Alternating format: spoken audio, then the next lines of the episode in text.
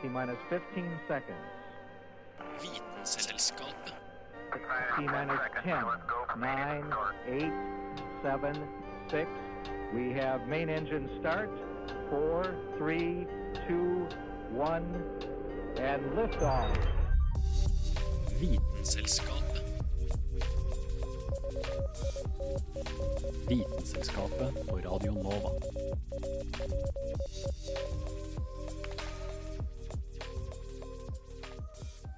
Hei, og hjertelig velkommen til en ny utgave av Vitenselskapet på Radio Nova.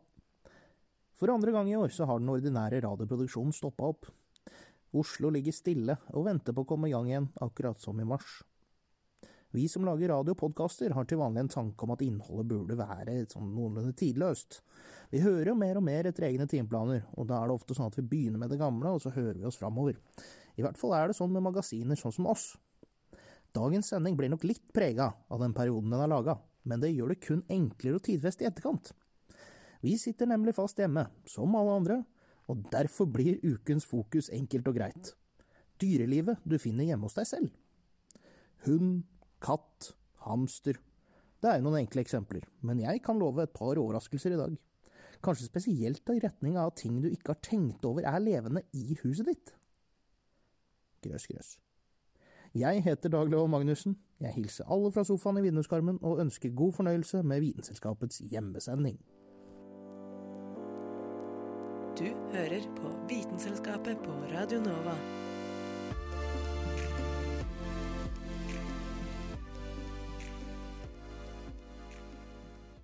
Et monster under senga var ikke så uvanlig å ha da man var barn, men det var sjelden de viste seg å være ekte når lyset kom på. Nå derimot er det en del som har ekle små krabater under senga på ekte, og som heller skrur av lyset for å slippe å se dem. Kristin drar ut på jakt etter disse skapningene, som gjemmer seg i kriker og kroker. Det stemmer, Dag, og etter lang tids observasjon så har jeg funnet ut at de har en tendens til å flokke seg til de samme områdene for å hekke, og et av disse stedene er da altså under senga.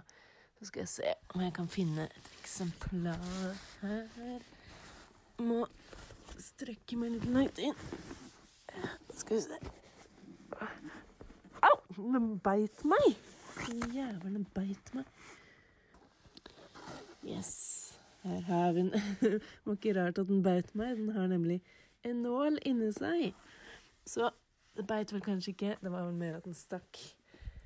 Jeg vil si at dette er et godt eksemplar på en eh, feit og fin hybelkanin. Den eh, inneholder ikke det at jeg kan se det med det blotte øyet, men den inneholder egentlig mest døde hudceller, som er ganske ekkelt. Og eh, det som kanskje er litt tydeligere, fibre fra klær, og i mitt tilfelle så er det en del hår. Hybelkaniner sånn som dette er jo egentlig ikke så veldig farlig, men det de kan tiltrekke seg, er midd. Og de lever da av sånne organiske komponenter som man finner i støvet. Og det som er kjipt med midden, bortsett fra at den er sykt ekkel, er jo at eh, etter hvert så skal vi si eh, blir det en del avføring, middavføring, som da legger seg i støvet, og det kan jo fremkalle allergiske reaksjoner hos noen mennesker. Så de som er allergiske mot støv, er ikke alltid allergisk mot støv i seg selv, for å si det sånn. Det er eh, litt mer ja, middavføring, da, om man vil. Nå er det jo sånn at det er noen dyr i huset som man kanskje syns er litt ekle, men som også gjør nytte for seg, f.eks. edderkopper, som spiser parasitter og insekter. Hybelkaniner gjør ikke så veldig mye nytte for seg, selv om de ikke er så veldig skadelige i seg selv. Det som er fint for de som ønsker å bli kvitt sine hybelkaniner, er at hybelkaniner har en naturlig fiende, og det er støvsugeren. Kjært barn har mange navn, og andre land har ulike kjælenavn på disse ekle små skapningene. I Sverige kalles de damrotte, og det vil si støvrotte på norsk. Danskene sier nolemand, dottmann, og tyskerne kaller dem vollmaus, som kan oversettes til ullmus. Jeg synes jo egentlig vår hybelkanin kanskje er den beste, men hvis jeg måtte velge mellom en av de internasjonale, så tror jeg hadde valgt Vollmaus. Den høres jo ganske koselig ut, den ullmusa. Men her kan jo du velge din egen favoritt. Og hun som gikk på hybelkaninjakt under sin egen seng, heter Kristin Grydland. Oh, it's fun. I mean, the natural world is just fun. Du hører på Vitenselskapet på Radio Nova. What more do you want? Om du begynner å tenke på det, finnes det sannsynligvis mange typer dyr inne i huset ditt, eller i leiligheten din. Men for better or worse, som amerikanerne sier, så er kanskje de fleste av dem inne i kjøleskapet ditt. I dag får vi et gjenhør med Ida Katrine Vassbotn og hennes fortelling om en variant av et dyr du kan finne i aspik, men som først og fremst trives best serveringsmessig med loff, majones og en tørr hvitvin. Har du hørt om Odontodactylus skylarus? Dette er ei reke som vi på norsk kan kalle enten knelereke, sjøknelere eller påfuglreke, og den tilhører krepsefamilien. Denne reka er ikke som alle andre reker, og heller ikke som andre dyr for den saks skyld. Ikke engang tenk deg å ha den i et akvarie, for den kan faktisk slå igjennom glasset. Denne slagteknikken er også noe den bruker på byttedyr. Den knuser skall og det som trengs for å drepe og spise.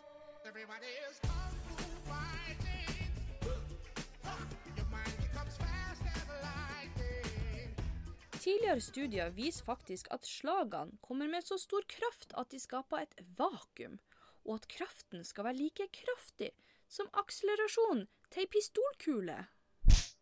Når den slår, produserer slaget ei kraft på opptil 1500 newton.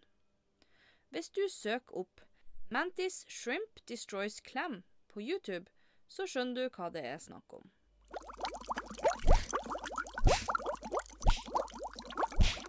De har faktisk klør, men disse klørne omdannes til noen slags klubbe som de da kan bruke til å bokse seg fram med.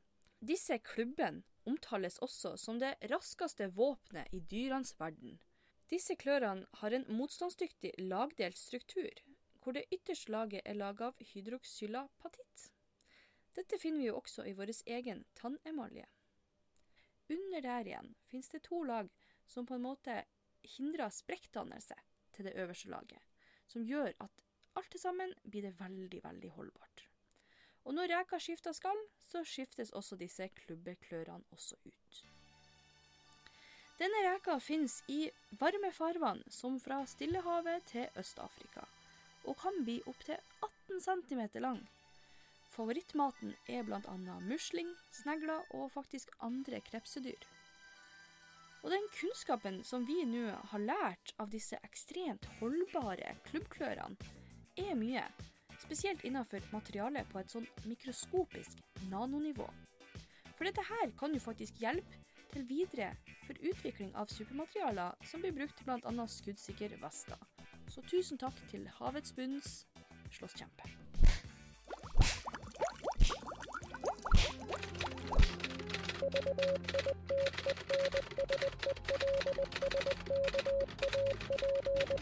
Just want to tell you both good luck. We're all counting on you. И пусть посмеются над своими страстями. Ведь то, что они называют страстью, на самом деле не душевное, это Vitenselskapet а лишь трение между душой и внешним миром. knekker vitenskapens koder. Good job. Det er ikke alle dyr som nøyer seg med å bo i boligen din. Gnafs, gnafs. mm, så deilig hud. Den lille halvkuleformede kroppen skyver seg gjennom den trange gangen. Munnen først. Inn i munnen går det hud, og bak seg legger skapningen fra seg egg og avføring. Vi er hjemme hos et lite dyr på en halv centimeter, som ikke bare bor hjemme hos deg, men som faktisk bor i deg, nemlig skabbmidden. Er du så uheldig å få en befrukta hundskabbmidd på huden din, vil den bruke en times tid på å bore seg ned i det øverste hudlaget, og vel nede vil den grave seg bortover med noen millimeter om dagen og etterlate seg såkalte skabbganger. Disse skabbgangene fylles med avføring og egg og utløser en infernalsk kløe. Du har fått skabb. Verst er skabbkløen om natta, når du ligger under en varm dyne og midden virkelig koser seg med å grave ganger i huden din. Det er også gjerne under dyna skabbmidden finner andre ofre. Midden trenger nemlig som regel 10-15 minutter med hudkontakt for å hoppe over til et annet menneske. Og på steder med høy temperatur og luftfuktighet, som i sengetøy, kan midden overleve i opptil to døgn uten en vert. Men det er i en vert at skabbmidden trives aller best. Finner den et menneske å gnafse på, kan skapningen overleve i opptil to måneder og legge to til tre egg om dagen. Når eggene klekkes, fødes nye babyskabbmidd, som etter hvert kan grave sine egne skabbganger og gjøre ugagn.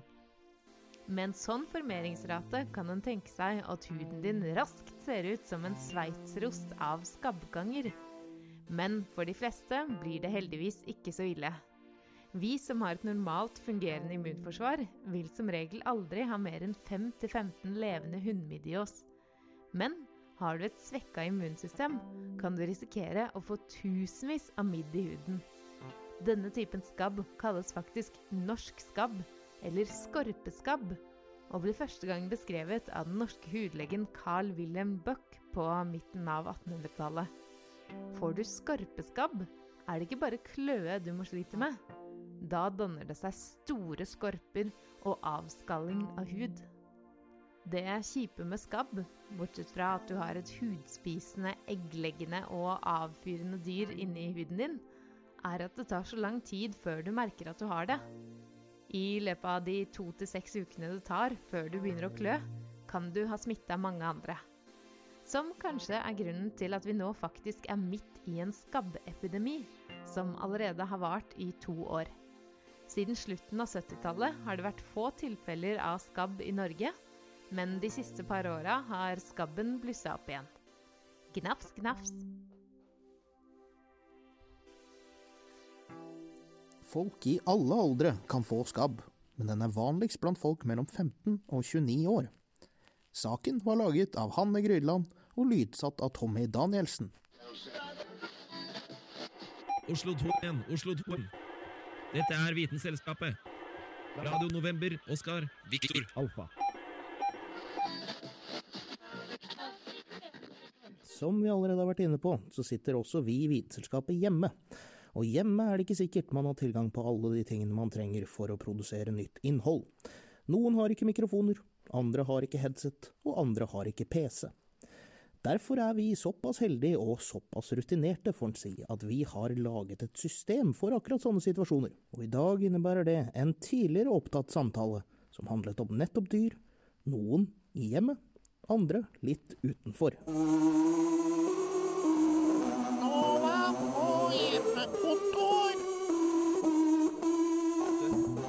Vet Vitenselskapet. Starter vi med en av eh, dine utvalgte eh, godbiter, Hanne. Hva er det den handler om? Ja, um, da Carl eh, Adams Kvam lagde dette innslaget, så ble jeg gjort oppmerksom på en krig som i hvert fall ikke jeg visste hadde skjedd.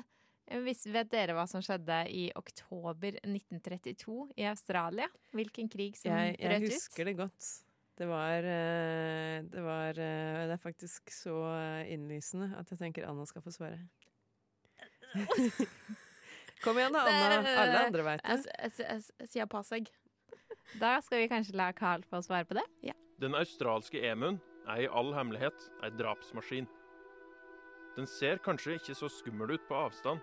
Du har å gjøre med en stor fugl som ikke kan fly. Kjem du litt nærmere derimot, blir perspektivet et helt annet. Fuglen kan på det meste rage 190 cm høy, altså høyere enn de aller fleste. Samtidig er kroppen halvannen meter lang. Det er ingen liten sak en har med å gjøre. Føttene er imidlertid som fyrstikker å regne, så den største emuen veier ikke mer enn 60 kilo. Lett, tenker du. Den fjørvekta hamler jeg lett opp med. Nja, av den lave vekta kommer du til å slite hardt med å komme deg unna den sinte emuen. De kan nemlig komme seg opp i 48 km i timen, beinene fram på de to lange føttene sine. Med to og tre kvart meter steg flyr fuglen nærmest langs bakken. De rudimentære vingene på sida av kroppen er ikke lenger enn 20 cm, men flakser like fullt mens fuglen springer i toppfart. Muligens for balansen. Men hva er det farlige med fuglen? Se ned. For føttene til emuen er nemlig hovedforsvaret til dyret. Foten er som en djevelgaffel. Tre tær holder emuen på føttene, og på enden av disse tærne er det sylkvasse klør. Tåa og kloa til sammen måler imponerende 15 cm. Når emuen da sparker hardt, viser det seg at den er av de rammere dyrene i Australia. Du kødder ikke med en emu, og om du prøver å komme deg unna, må du springe forbanna kjapt.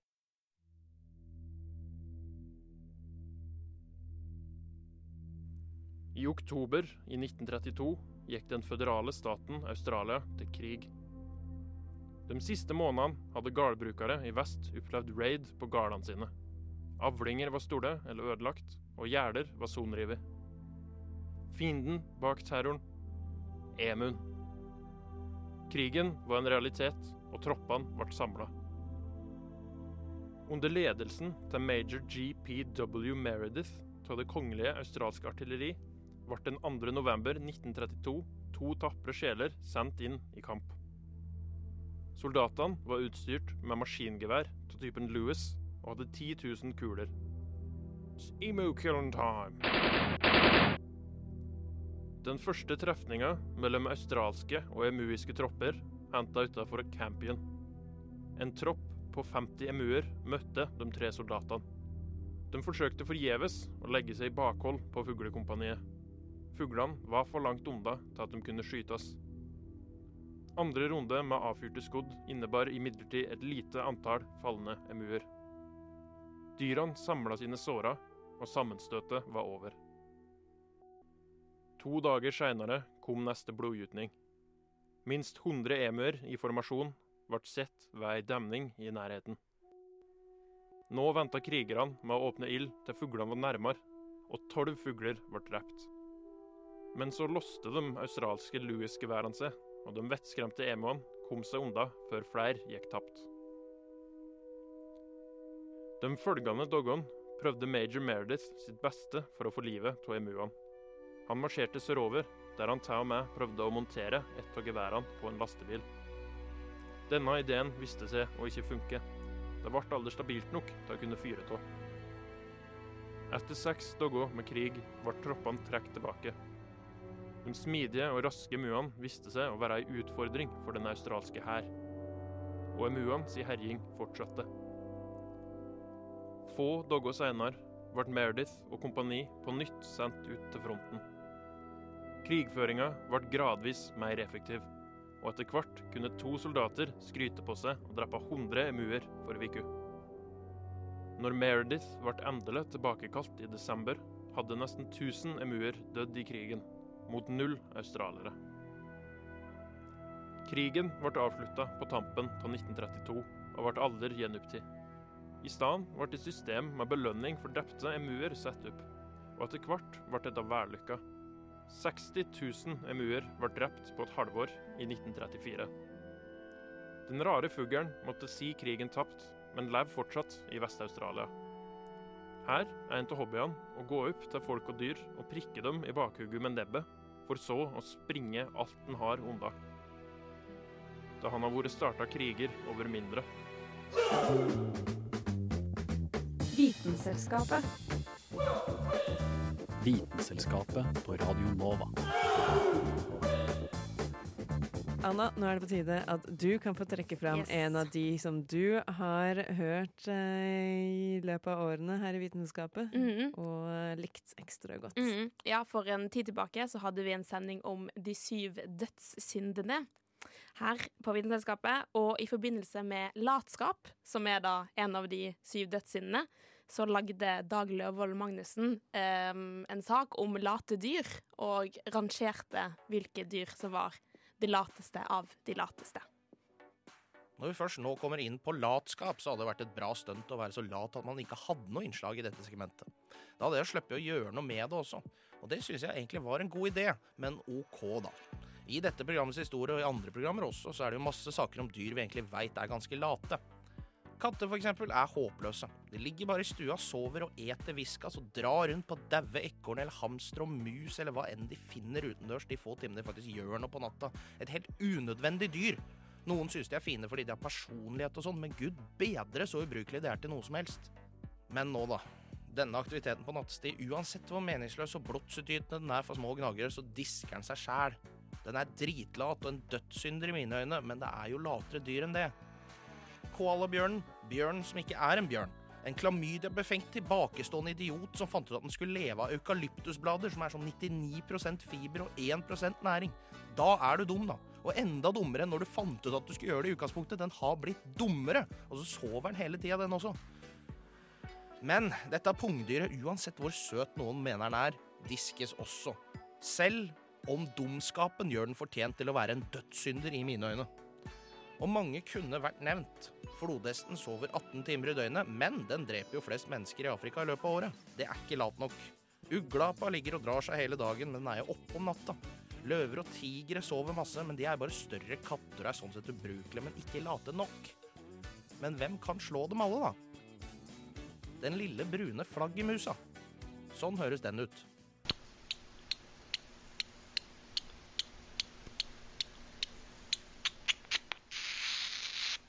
Og sånn høres den ut hvis du poker den med en pinne.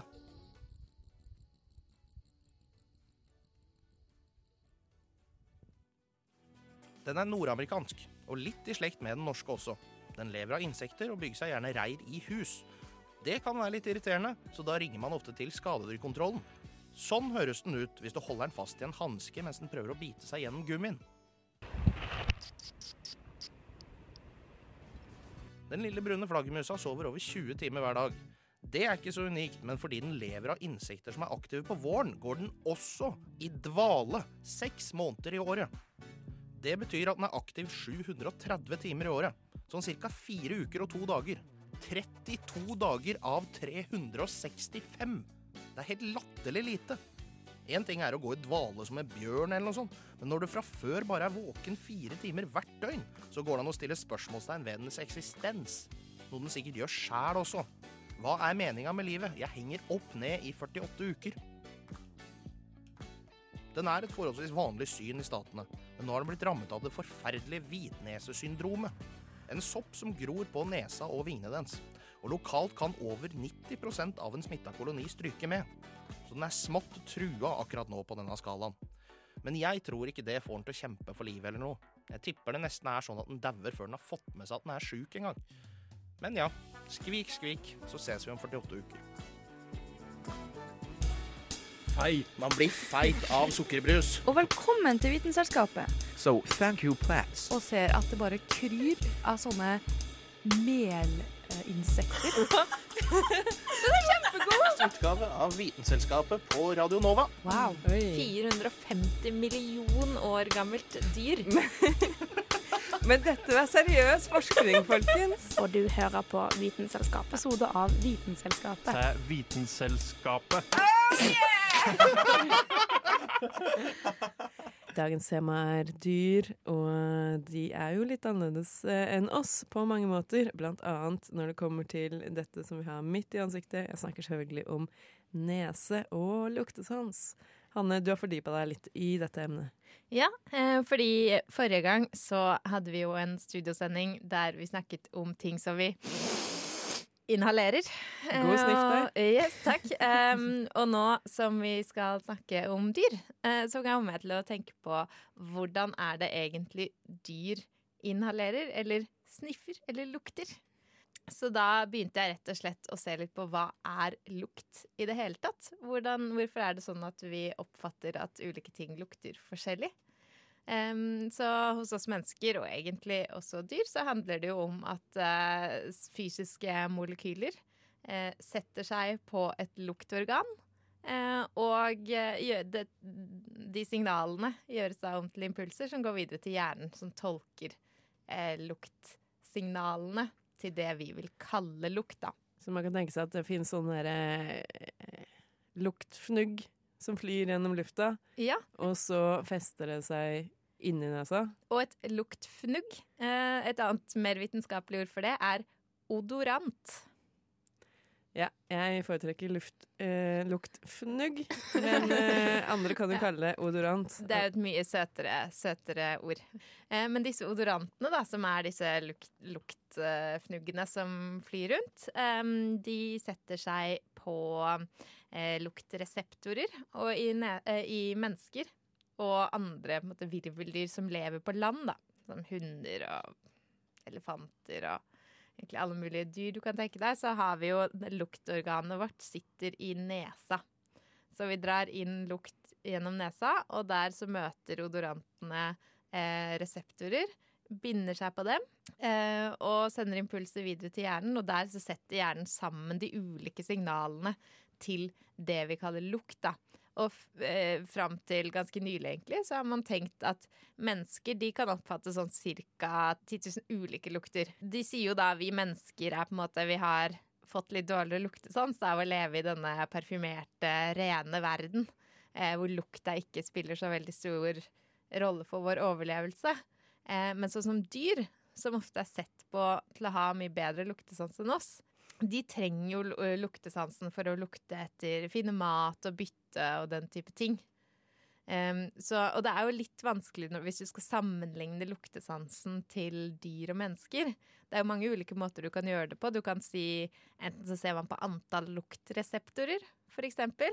Hvis man gjør det, så får man litt sånne rare sammenligninger, fordi mennesker og, og dyr har egentlig ganske like mange sånn lukt lukteceller, i hvert fall hvis man justerer for kroppsstørrelse. Så alle har det samme potensialet, da, på en måte, til å lukte? Eh, nei, altså, det er jo litt vanskelig å si. Du kan jo også øh, si at øh, Se på luktsenteret i hjernen kontra størrelsen på resten av hjernen. For eksempel så har jo en, en mus 2% av hjernen deres er et luktsenter. Mens hos oss er det 0,01% av hjernen. Betyr det at mus lukter bedre enn oss, eller betyr det bare at de generelt er dummere enn oss? som du sier? Men hvis du, tar, eh, hvis du hadde tatt ut luktsenteret vårt, og så hadde du sammenligna det med musa, så er jeg sikker på at luktsenteret vårt er sikkert større enn hele hjernen til musa. Ja, det er noe med det, da. Eh, så eh, det virker som forskerne har begynt å se på Ok, men hvis man ser på genene, hvilke gener er det som koder for luktsansen?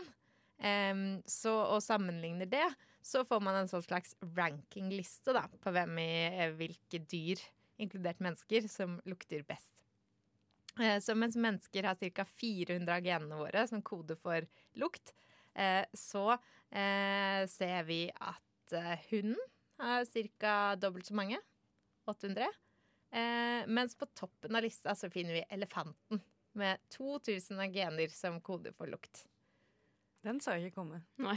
Kanskje ikke så rart. eh, Eller jeg vet ikke, men elefanten går jo mye med, med snabelen liksom nede i bakken, og alt, den bruker liksom snabelen som en hånd, da. Så tenk om dere hadde hatt lukt, eh, altså nesa på innsiden av hånda deres. Da hadde man jo kanskje blitt bedre til å lukte. Ja. Hæla i taket med. Vitenselskapet.